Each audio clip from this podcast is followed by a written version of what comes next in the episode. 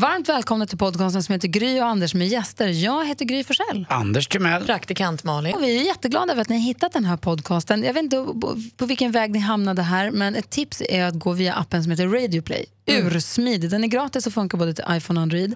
Och så klickar du på appen och så går du på podcaster. Där finns vår podcast. Där finns min snubbe Alex har en podcast som Ja. heter Vad är poängen? Som ju faktiskt jag tycker jättemycket om.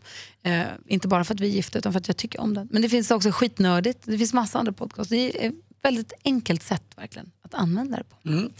Hörrni, vi har ju några sponsorer här. Unionen förstås. Ja, det är ju inte dumt alls. Det är ju alltså Sveriges största tjänstemannaförbund och Sveriges största fackförbund som är med och eh, sponsrar våran podcast. Vi är väldigt stolta över dem. är till stor och god hjälp när man är liksom lite förvirrad över sitt eget jobb. Man kan alltid höra av sig till dem. Ja, dessutom så har vi ju Harmonic som stavas med Q. Harmonic.se som säljer skönhetsprodukter på nätet.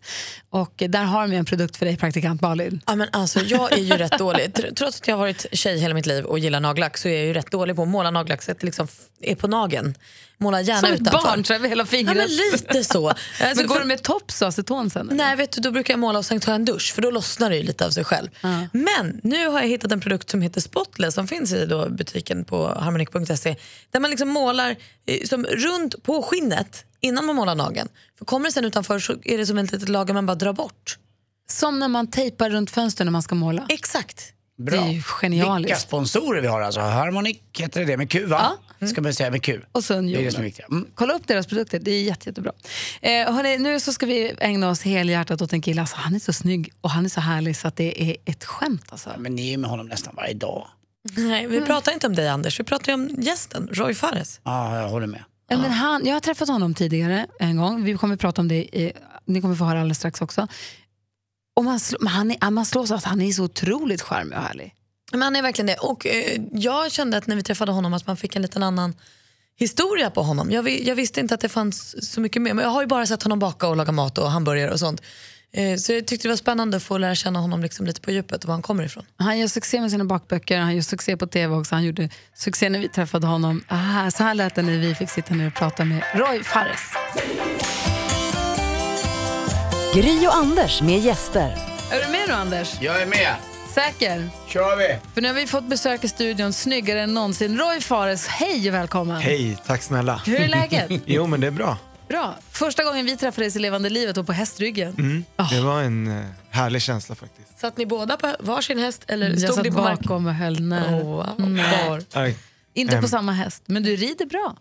Vi red ju i samma, på samma ridbana på en varsin häst. Fantastiska så här, friserhästar, svarta sagohästar. Hos Tobbe Larsson, han eh, som kan prata om hästar. eh, Passionata-Tobbe. Ah, ja, ja. Ponnyakuten-Tobbe var Men var det här för att ni skulle eh, göra en sån här stjärnhoppning i Globen eller Nej. var det här bara Nej. för att ni tog ridlektion? Vi älskar att rida hästar. Och Så Tobbe är en kompis till mig. Så var jag nere och hälsade på och så ja, red jag. Och sen visste inte jag att du var där med grupp tjejer. Liksom. Men Jag fick i 40-årspresent Mm. av mina grejer, jag är ju gammal stalltjej. Så då fick jag present av dem att jag skulle få komma ner och rida för Tobbe i två Mm. dagar. Det var ju fantastiskt. Superhärligt. När började du rida? Um, jag, är liksom, när jag kom till Sverige så liksom min första tjejkompis då var, hade ju hästar. Så egentligen så har jag hållit på med hästar sedan jag var liten. Men liksom inte ridit, ridit liksom på ridskola eller sådär utan mer Jag trodde att För du att det var, är kul. Jag trodde du var lite fåfäng. Jag har sett bilder på din Instagram där du lägger ut bilder på dig och någon häst som till och med hästen ser välkammad ut. Ja. Men det är viktigt det där. Ja. Alltså det är ju liksom ridning, det är ju verkligen into details. Med ridstövlar, snygg piké, ja men allt ska sitta Ja, sådär man, bra. man rider alltså inte någon rundringad t-shirt. Jo, det kan man göra men inte om man ska ta sådär en bild. Då ska det vara såhär piké. Nej, men, äh, äh, rundringad t-shirt kan man kanske ha, men så här, flärpar och Mm. spännen, allt ska sitta på plats. Du kan ju hålla på hur länge som helst. Putsa och dona med För det det är där. därför det finns eh, vissa affärer som bara säljer massa eh, små, det är som lite som golf Ja, ibland. men jag tänkte det. Ja. Lite likheter mellan ridning och golf ändå. Mm, kan tänka mig det. Sådana små Älskar att gå pinaler. hästaffärer. Nej men det, finns, alltså, det, är, ju- det är ingen billig sport så. så Nej. att, och det är, men det är fantastiskt kul. Alltså tänk att du sitter liksom på något som väger så här 500-600 kilo och den kraften och i galoppen och ljudet är ju bara så här, och manen flyger. Och, Och det är just den där kraften som jag, som inte rider så ofta, är fullständigt livrädd för. För de bestämmer ju. Eller det väl handlar om att man ska bli ett ekipage va? Man ska bli tillsammans. Och för, er som, för dig som lyssnar på den här podden som kan någonting om hästar, så ni ska veta att Roy rider bra. Han har jättefin sits och rider i alla gånger. Du rider skolorna och sitter jätte, är superduktig. Ja, nej, men, ja. Ja, Gry, sa det innan, Gry sa det innan du kom hit Roy, att du har blivit mycket bättre Ja, på det hon faktiskt. Hon sa förut sådär, men nu kanon alltså. Nu alltså. Roy, vi brukar börja med att fråga våra gäster om de fem första. Och då är det första, första jobbet. Första jobbet det var eh, sommarjobba på ett dagis eh, med små barn. Det var det. Var du bra dagisfröken? Ja, men jag tror nog det. Jag, hade, alltså, jag älskar ju barn och jag tycker det är kul att få leka och ja, men speciellt också så här, på dagis, alltså, du äter ju hela tiden det så här, frukost, mellis, lunch, mellis. och sen, så det är så här nyponsoppa, men det är fantastiskt roligt att jobba med barn. De är ju väldigt så här, Alltså de är inte dummande och de säger vad de tycker och uttrycker sig ibland på rätt så roligt sätt. Omedelbara. Ja men faktiskt. Första lägenheten? Eh, det är den nu där jag bor. Aha. Alltså köpta lägenhet. Eller där Men jag första du bodde. bodde i själv då? Första jag bodde själv det var en andrahandslägenhet ute i Årsta. Ja, det var Ja, det var, sen var det slut på det. exakt. Första förhållandet? Första förhållandet, gud. Nog med min flickvän Julia måste det varit. Mm, om, alltså ett riktigt förhållande. Gillar, gillar, han gillar tjejer i början? Och sen bytte du? Ja, men sen bytte jag. Mm. Alltså, Vilken det, ålder var det då? Nej, men alltså, jag tror liksom så att det är någonting, man föds med det, men det är väl liksom någonting man kanske så här, med vägens gång kommer på att, Jag har Ja, en men det- redaktör som undrar om det är någon som kommer byta tillbaka. vem vet om den rätta dyker. För nu har, är du ihop, du har killen nu? Ja, Ja, Johan. Johan. Ja. Hur länge har ni varit tillsammans? Eh, snart tre år.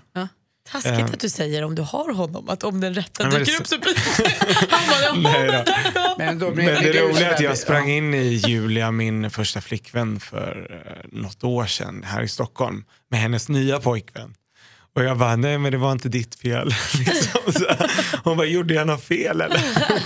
Men är det så att du blir kär i en människa istället för att det är ett kön? Eller kan du tänka dig att byta igen? nej, det tror jag liksom inte. Nej. Alltså, det är klart att man kan bli förälskad i en person och eh, om kemin funkar, men sen det är ju så mycket mer än så också. Alltså, ett förhållande är ju både kemi, känsla, röra vid någon sexuellt eller inte. Alltså, det är mycket faktorer. Men det är klart att jag kan säga, en tjejkompis till mig tycker att hon är sjukt snygg, sexig, vacker, eh, cool, smart. Men vill jag ta det till nästa steg? Ja, Men så kan man ju känna med alltså, jag som är straight kan Ja. känna så för killkompisar också, eller andra killar, att de är sexiga och smarta och härliga på alla sätt, men jag behöver inte vilja. Jo men exakt och sen, alltså för mig hela den här grejen så här, ah, många säger, ah, men du har inte gjort någon big deal av att komma ut. För mig är det liksom så här, jag tror, ska man få det här att vara lite normen, vi behöver inte göra så stor grej av det hela tiden, utan man är den man är, punkt slut. Och det är så jag behöver inte skriva ut det. Och sen så tror jag liksom att det kan finnas något positivt med det också, att man kan stödja andra människor som kanske har det lite tufft och så, men jag tror ändå så att för min del så har det varit att ja, men det, jag är den jag är och det påverkar inte mig som person eller vad jag gör till yrke eller liksom så.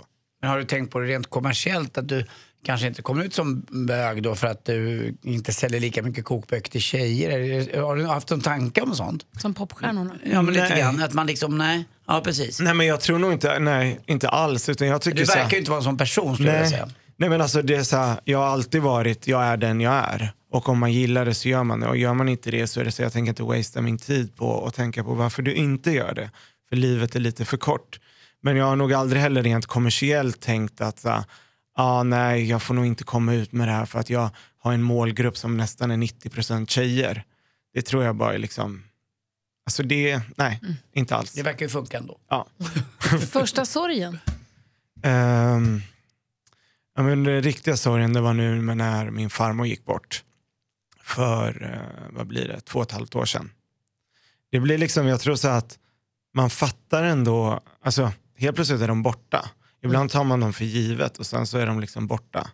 Jag kommer ihåg när, man, när vi var på begravningen och så la man ner henne där och så drog alla. Jag bara, men vadå, ska vi dra? Bara lämna henne här. Det var så konstig grej. Så, Bodde ja. hon också här i Sverige? Ja, Ja.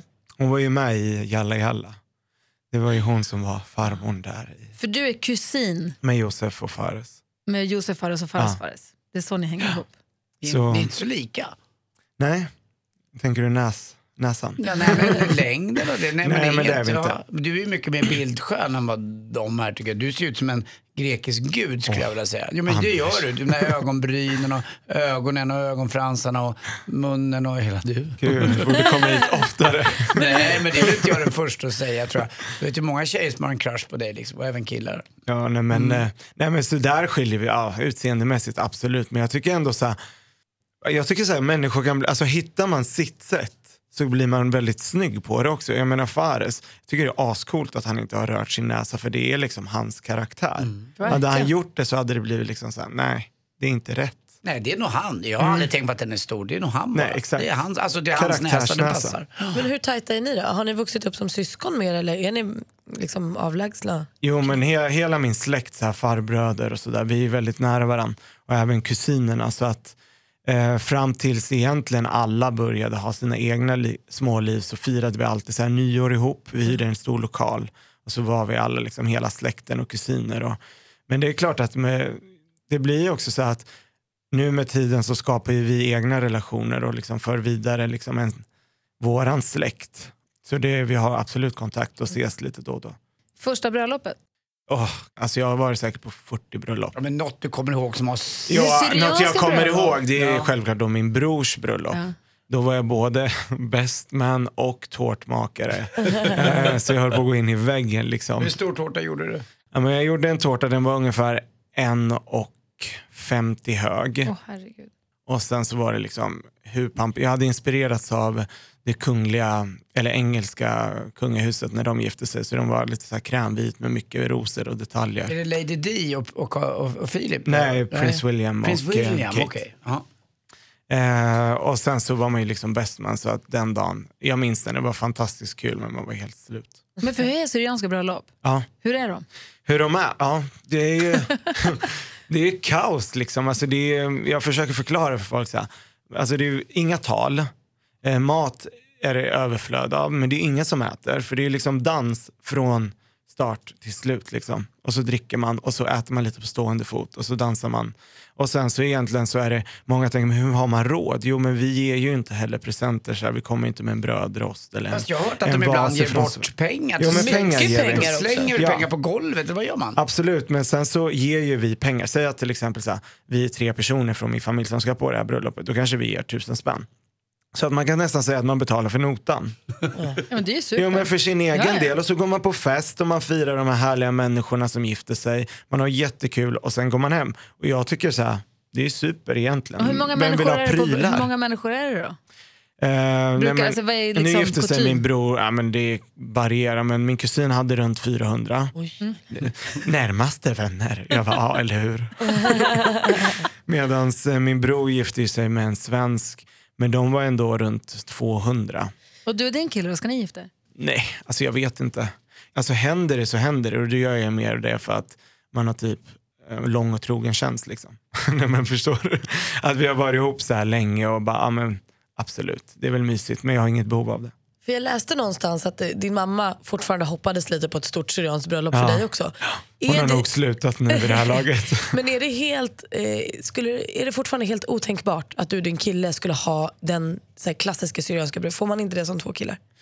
Jo men alltså, får och får, men det är så här, jag skulle nog inte vilja ha det. Skulle Skulle jag det nog... vara provocerande liksom? Ja, men, ja. Jo men det är klart, alltså, vi lever ju ändå i ett samhälle, oavsett tror jag om det är ett syrianskt bröllop eller om det är ett svenskt bröllop så finns det fortfarande människor med åsikter. Ja, absolut. Och jag tror liksom det handlar i- till att alltså, börja istället för att liksom det är samma sak när jag kom ut för mina föräldrar och tänkte så här, okej, vad ska jag hata dem och vara sur på dem eller försöka få dem att förstå? Och jag tror liksom vi måste, man måste ändra lite inställning utan man får tänka så här, de människorna som har åsikter är jättesynd om för de, egentligen, de förstår inte bättre om verkligheten. Då får man försöka förklara, funkar inte det? Men att börja liksom redan där och så här, fightas och ta, liksom, vara hatisk, så tror jag liksom inte Hur man... lång tid tog det att förklara för din mamma? Nej men det, det var över ett samtal liksom på telefon så la hon på i örat på mig. Och sen så typ tog det tre veckor och sen så, men min mamma hon är liksom, jag tror det finns nog ingenting hon skulle vilja bryta, alltså få henne att bryta kontakten med mig. Men vad, hade de, du ringde och sa, vet du vad mamma, jag gillar killar. Och hon blev överraskad? Eller Ja, men de det var någon- i samma veva. Jag hade varit i USA, eh, skulle flytta dit, eh, hade ett förhållande i tre år, fått arbetsvisum, var skit liksom pepp på livet. Jag bara yes, jag ska åka till USA nu, LA. Hade du inte berättat då för din mamma? Utan Nej, du, levde, du ingenting. gjorde det här i lönndom Ja. alltså? Och Mådde du inte dåligt Jo, men det är klart att man gör det, att man ständigt lever liksom i en lugn. Men jag tänkte så här, var sak har sin tid och jag har aldrig heller stressat på, utan när jag är redo så är jag redo och då kommer jag berätta.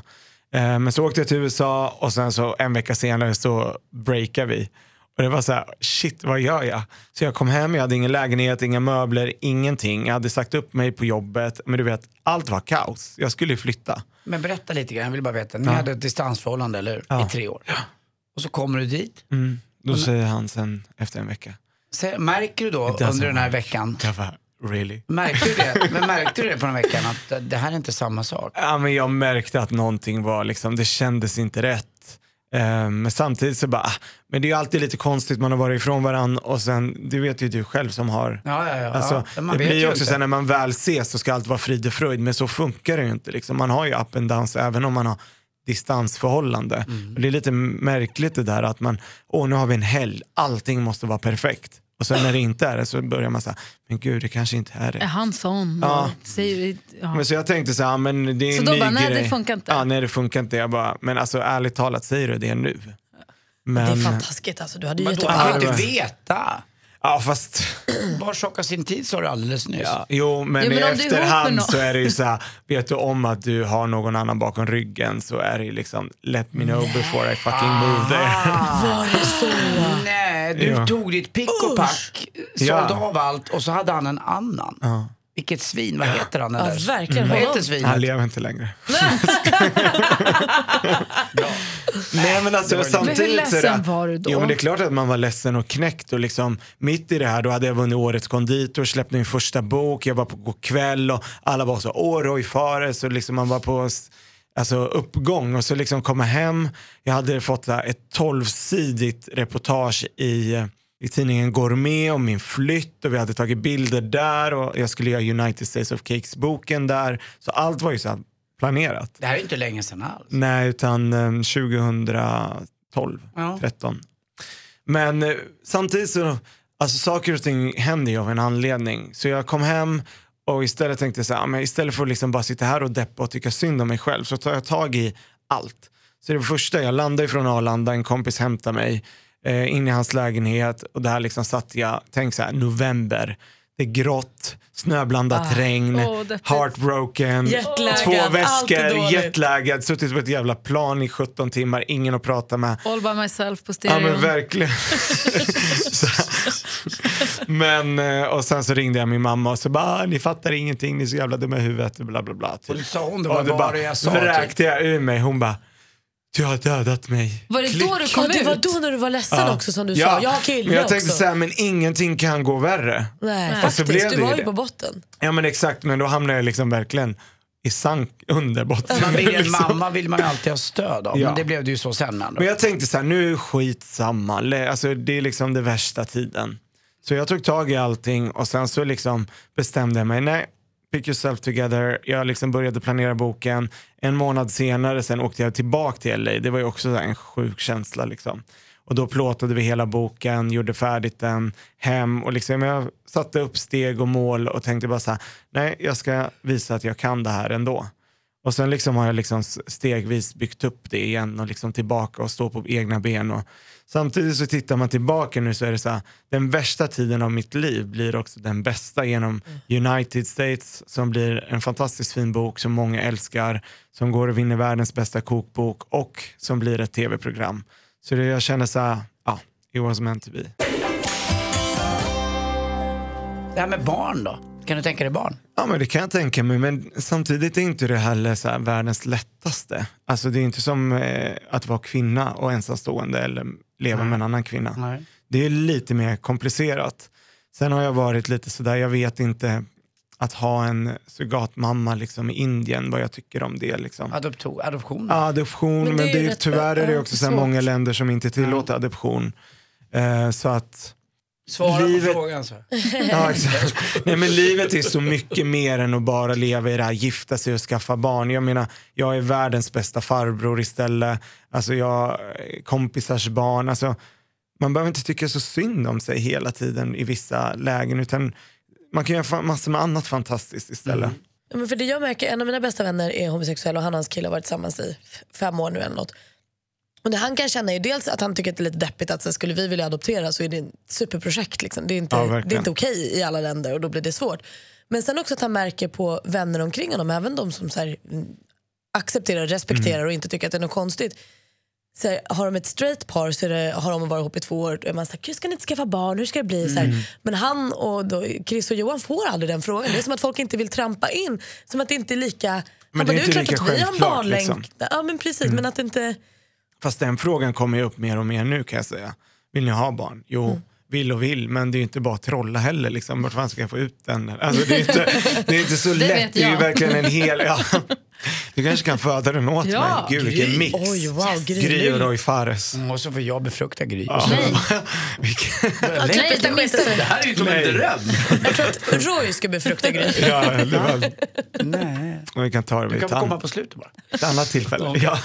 Håll Anders utanför där babymakande. Vi låser in honom någonstans långt bort. Du pratar om den här boken United States of Cake. Nu kommer det en ny. Du har precis släppt en ny nu. Mm. Som heter Sweet Spots of New York. Yes. Nu har du på östkusten och bakar istället. Ja, nej, och de, men, Amerikanerna är ju fantastiska på, vad, vad är det de gör? nej men de gör ju liksom, det är mycket visuellt. Mm. Och sen så älskar jag att allting heter liksom lite extra. Det Mm. Istället för chocolate cake så är det triple chop chocolate fudge cake. Det blir lite extra Men det är liksom. inte bara för mycket? Blir det inte alltid allt Nej, bara för det- stort och för mycket? Men det är liksom så här, jag har ju ändå så här någonstans gjort min egen twist på det. Jag, vad jag tycker med amerikanska bakverk det är att du har chansen att vara kreativ. Kreativ på ett alltså där det inte finns en massa ramar. Jag menar hur det får se ut eller inte. Utan vill du ha liksom Snickers bars uppe på så kan du ha det. Ja, och sen tack. så, ja men lite, jag förstår. Alltså, men sen så har jag försökt ändå få det och ett sätt att bli gott också. Liksom att det inte bara är jättesött och men ändå De jobbar med frosting på ett helt annat mycket sätt. ja. Vad är frosting då? Det är där grejen man Ja, men lägger det är på. typ så, ja, Florsocker. och smörkräm eller med cream cheese och florsocker. Det är väldigt fina bilder i den här också. eh, på Men dig. eh, den här Sweet Spots of New York är ju inte lika amerikaniserad kan man säga. Utan New York för mig när jag har rest mycket dit har ju varit just att staden är byggd så mycket av immigranter. Alltså du har ju italienare, kineser, japaner, fransmän. Och det tycker jag är lite så här, det vill jag få fram med boken. Och sen också att vi tipsar om eh, olika ställen man kan besöka för att man shoppar ju, äter och eh, fikar när man är i New York. Jag måste åka dit igen, det var för länge Ja, det- sedan. verkligen. Det för länge Nej sedan. men du vet bara så här gå runt där, eh, Avenue upp och Street in och så liksom bara hitta så här härliga ställen och jag tycker det är en fantastisk stad och just att man känner av det här, det finns inte en riktig amerikan. Du blir, och det är det jag gillar med USA, det är aldrig så att de frågar här, where are you from? Alltså typ även om, alltså om du har en annan bakgrund, är, de säger så här, I'm American. Äh. Du behöver liksom aldrig förklara mer än så. Här är Nej, det alltid någonstans så här, skulle jag säga så här, jag är svensk, de bara, jo but, where are you from? Vilket är så konstigt egentligen. Ja. Kan jag tycka. Men kan jag bara få fråga en bakfråga då? Lemon curd, Ja. jag, jag har inte, fa- är det en, ett bakverk eller är det bara krämen? Nej, det är en kräm. Det är krämen. Jag tycker alltid man får det i någon form av eh, paj eller något. Men typ citronmarängpaj har ju lemon curd. Just det, Och sen så får du ju det oftast när du äter så här scones och afternoon tea. gott är Hur det. kommer det Väldigt sig gott. att vi är så besatta av att baka i Sverige nu? Det är bakprogram Mm. och tårtprogram och det är barn som bakar och det är gamla som bakar. Och det är... Men jag tror någonstans att det har med att vi vill liksom känna av att vi kan. Mer än alltså, idag sitter vi framför en dator, det är telefonen. Alltså bakning är ett sätt också alltså, att få vara kreativ med händerna. Att, alltså, för många tror jag att det är en slags terapi om jag ska vara ärlig. Lite hantverk är det väl men också? Man exakt, håller väldigt vid- mycket hantverk. gamla. Jo men exakt, hålla det och sen, alltså barn, alltså det är ett sätt också för dem att få briljera lite. Jag vet liksom så här, min kusin, hon vill liksom inte baka något fult utan hon vill gärna göra något fint och komma till sina föräldrar och visa upp det. Och jag tycker det är fantastiskt kul med all den här bak-tv och att man kan få någonting som ändå kändes rätt så tråkigt yrke och lite trött att bli så hippt och coolt. Jag var inne, för jag var inne i en pysselbutik. Mm. Jag har ju barn som är 13 och 7. Och är inne i pysselbutiken och säljer pärlor och flörtkulor och saxar och filtpapper och ni vet de här pysselaffärerna. Där finns det en enorm baksektion helt plötsligt med sockerpasta och formar och strössel och bakmix och cupcake klart och Ja, ätbara såna här klistermärken som man kan lägga på. Alltså det var ju, och det är inne på bland Ja, ja. pärlplattorna. Liksom. Jag Förstår vilken härlig uppväxt då för Vincent och för Nicky, dina barn. Eh, när jag växte upp, jag vet ju, jag älskade ju mammas kanelbullar. Men det var ju antingen så var det en kanelbulle eller så gjorde mamma en, eh, en eh, Sockerkaka. sockerkaka. Och var hon riktigt galen, då blev det en pepparkakskaka också i räfflad form. Tigerkaka! Tigerkaka var också där ibland. Men inte det var heller där det glömma var. rulltårtan. Men jag fortfarande sitter där djupt i mig. Liksom. När mamma hade gjort nybakade kanelbullar, det fanns ju inget bättre med ett stort glas mjölk. Liksom. Det var ju, det var ju vår Nej, men tid. exakt, och det handlar ju, jag tror så här, bakning mycket handlar om att skapa minnen. Mm. Alltså alla har vi ett, något slags fika-minne med oss. Och jag tror börjar man ta bort det, jag menar det går inte att ersätta, tänk så här att du ska komma hem till din mormor och hon ger dig ett äpple. Det, blir, alltså, det är sån besvikelse. Ja, är, man vill ju åt fikat. ja, min mormor gav mig jättefina Granny Smith-äpplen när jag var liten. måste kanske börja men- baka mer hemma så är barnen men bakminnen. sen behöver man inte göra det så himla ofta. Men jag tror någon gång, jag tror så här, idag är det dyrbaraste du kan ge till någon, det är tid. Och att ta sig tid att liksom baka så här, jag menar min mamma har alltid gjort min eh, tårta när jag har fyllt år och det är inget märkvärdigt. Det är liksom sockertårtsbottnar, hon har använt så här kondenserad, alltså så här frukt i kondenserad burk. Och sen så typ tagit O'boy, grädde, vispat det, massor med rostade hasselnötter uppe på. Fantastiskt gott men det är inte så här, men det är bara själva grejen. Ja, men för det är ju det man känner idag när du säger också med baksektionen och sånt. Att, alltså, går du på en baby shower eller ett födelsedagskalas, det är de finaste små sa- cupcakes och det är perfekt frosting och så är det små stjärnor på toppen och så är det en tårta där det är liksom en Ariel uppe på. Alltså, det är så tjusigt.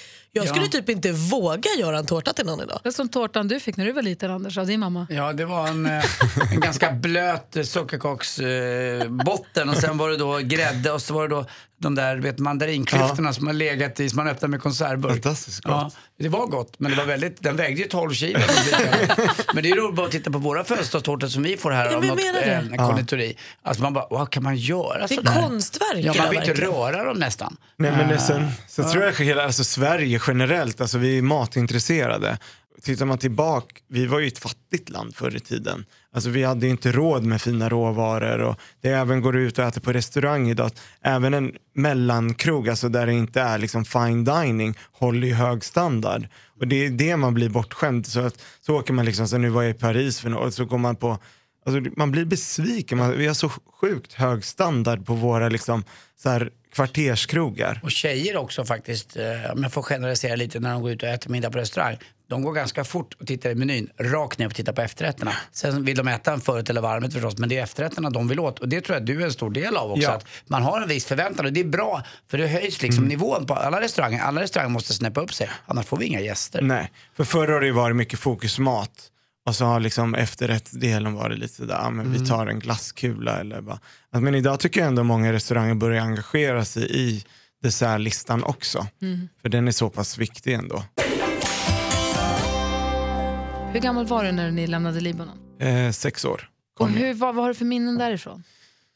Ja, men det är lite blandade minnen, men jag minns mycket så här samlas hela familjen. Alltså, vi umgicks väldigt nära in på varandra allihopa. Både min moster då också, som nu, de bor i New Jersey. Men eh, sen minns jag också liksom så här, eh, alltså det var ju både up and downs med kriget och så ibland var det lite lugnt och ibland inte. Liksom. Och jag minns ett tillfälle när mamma liksom, ja, duschade mig och så helt plötsligt bara började det smälla. Då är det liksom handduken på, under armen och så sprang vi ner och så kommer man ner till en källare och då sitter ju liksom alla familjer där och det är bara så här tända ljus.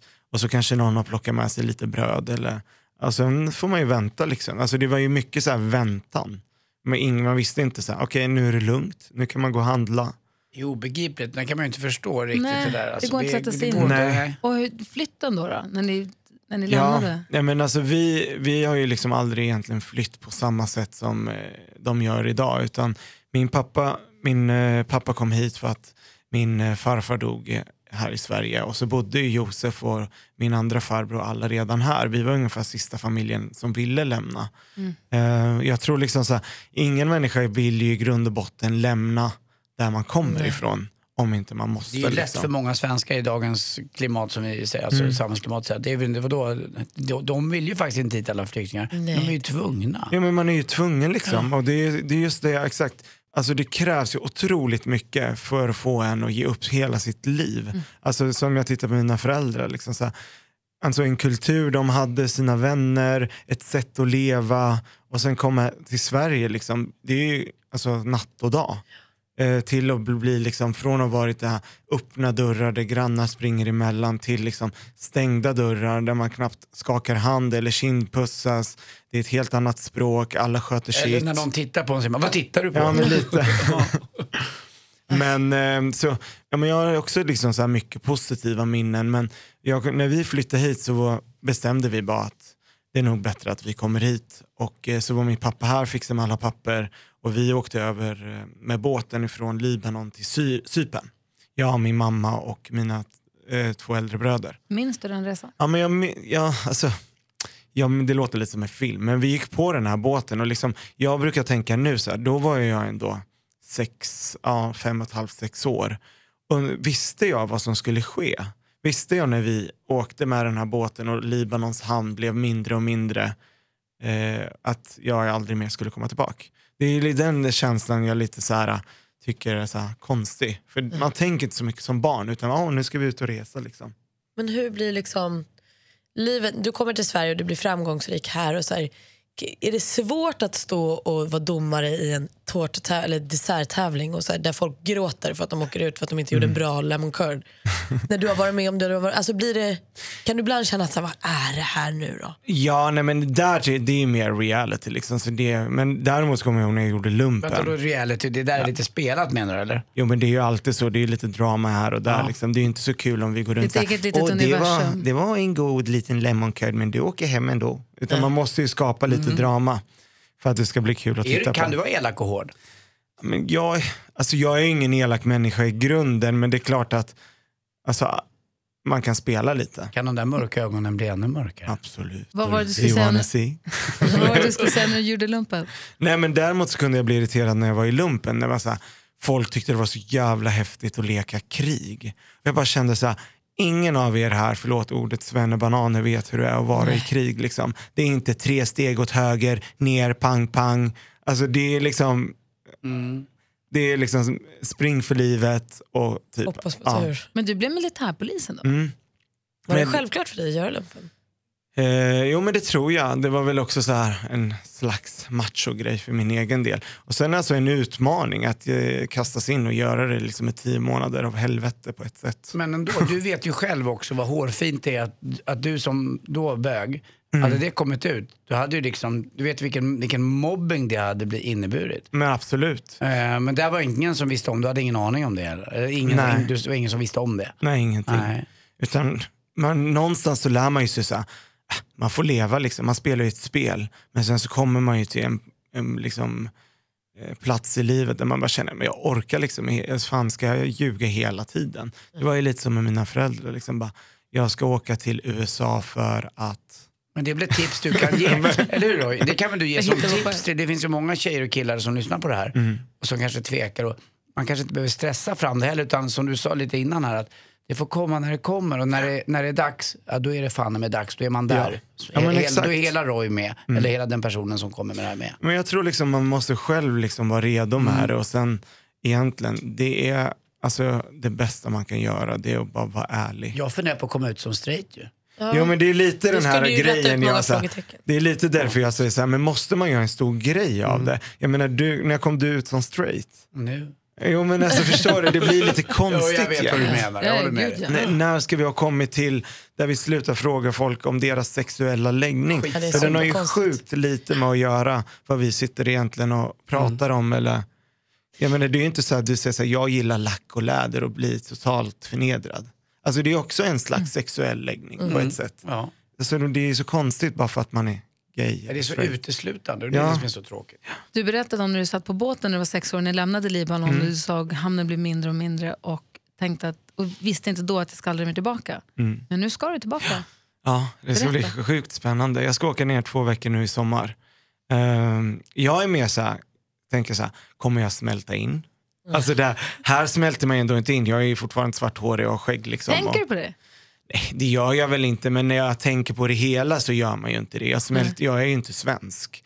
Men där så är jag liksom, kommer jag smälta in? Jag kommer ihåg när jag och min bror var i Syrien på bröllop, då tänkte vi så här, undrar om vi kommer smälta in? Och sen när vi var på typ så här, ja, men, eh, som en marknad, jag bara, alltså gud, vi passar inte in någonstans. Är det jobbigt att känna det, att du inte passar in där och inte där, att man blir lite... Det, Jo, men vi, var liksom, vi hade blivit för liksom, europeiska i vår stil. Om man jämför liksom, klädmässigt, hur vår frisyr är eller hur vi...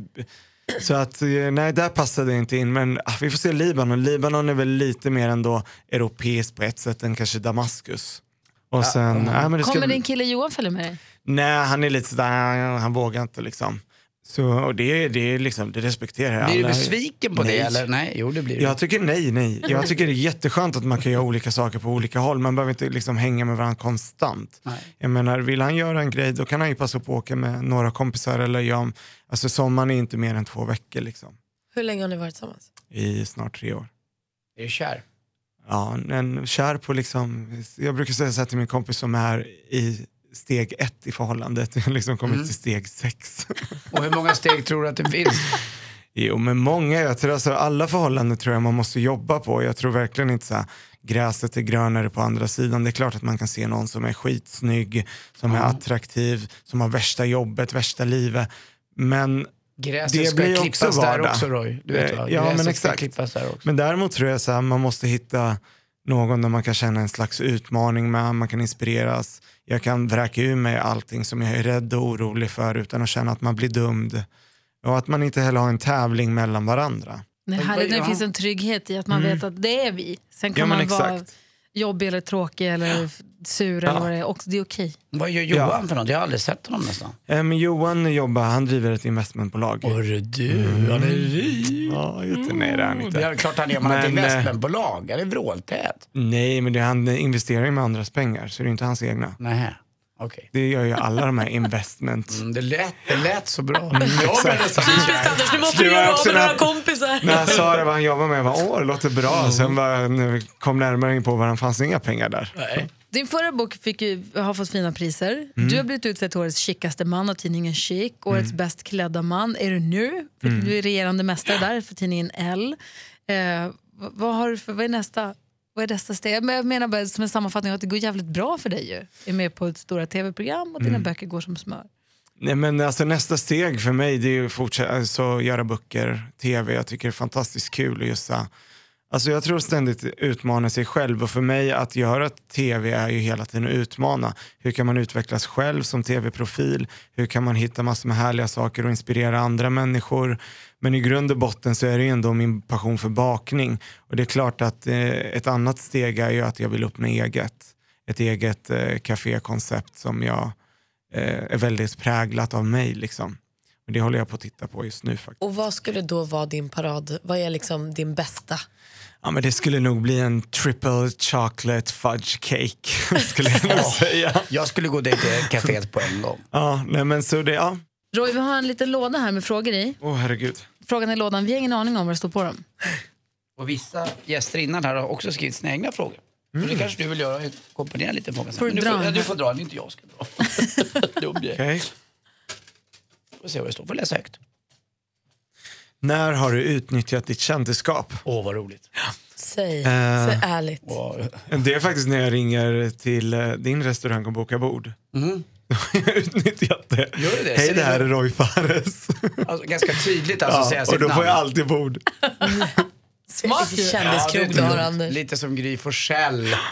Men jag känner så här, men jag kan ju få ett nej också. Det finns ingen plats. Jag tror att jag presenterar mig som Gry Forssell, men jag heter ju det. Ja, jag vet. Men du vet Alltså- ju också att det är ganska bra då.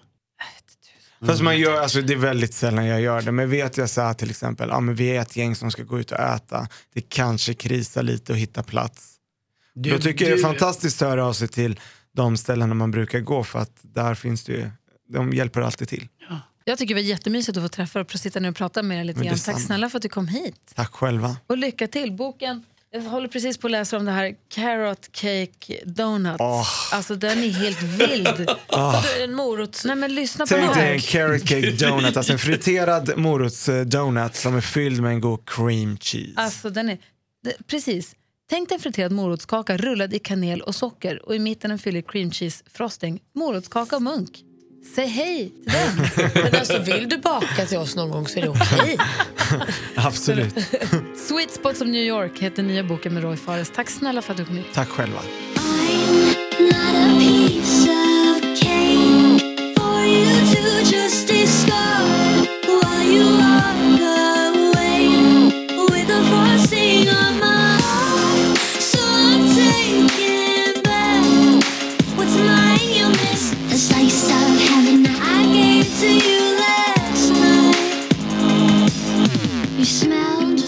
like vanilla. You taste like. Ett poddtips från Podplay. I podden Något Kaiko garanterar östgötarna Brutti och jag, Davva, dig en stor dos skratt. Där följer jag pladask för köttätandet igen. Man är lite som en jävla vampyr. Man har fått lite blodsmak och då måste man ha mer. Udda spaningar, fängslande anekdoter och en och annan arg rant. Jag måste ha mitt kaffe på morgonen för annars är jag ingen trevlig människa. Då är du ingen trevlig människa, punkt. Något Kaiko, hör du på Podplay. Därför är gardinerna.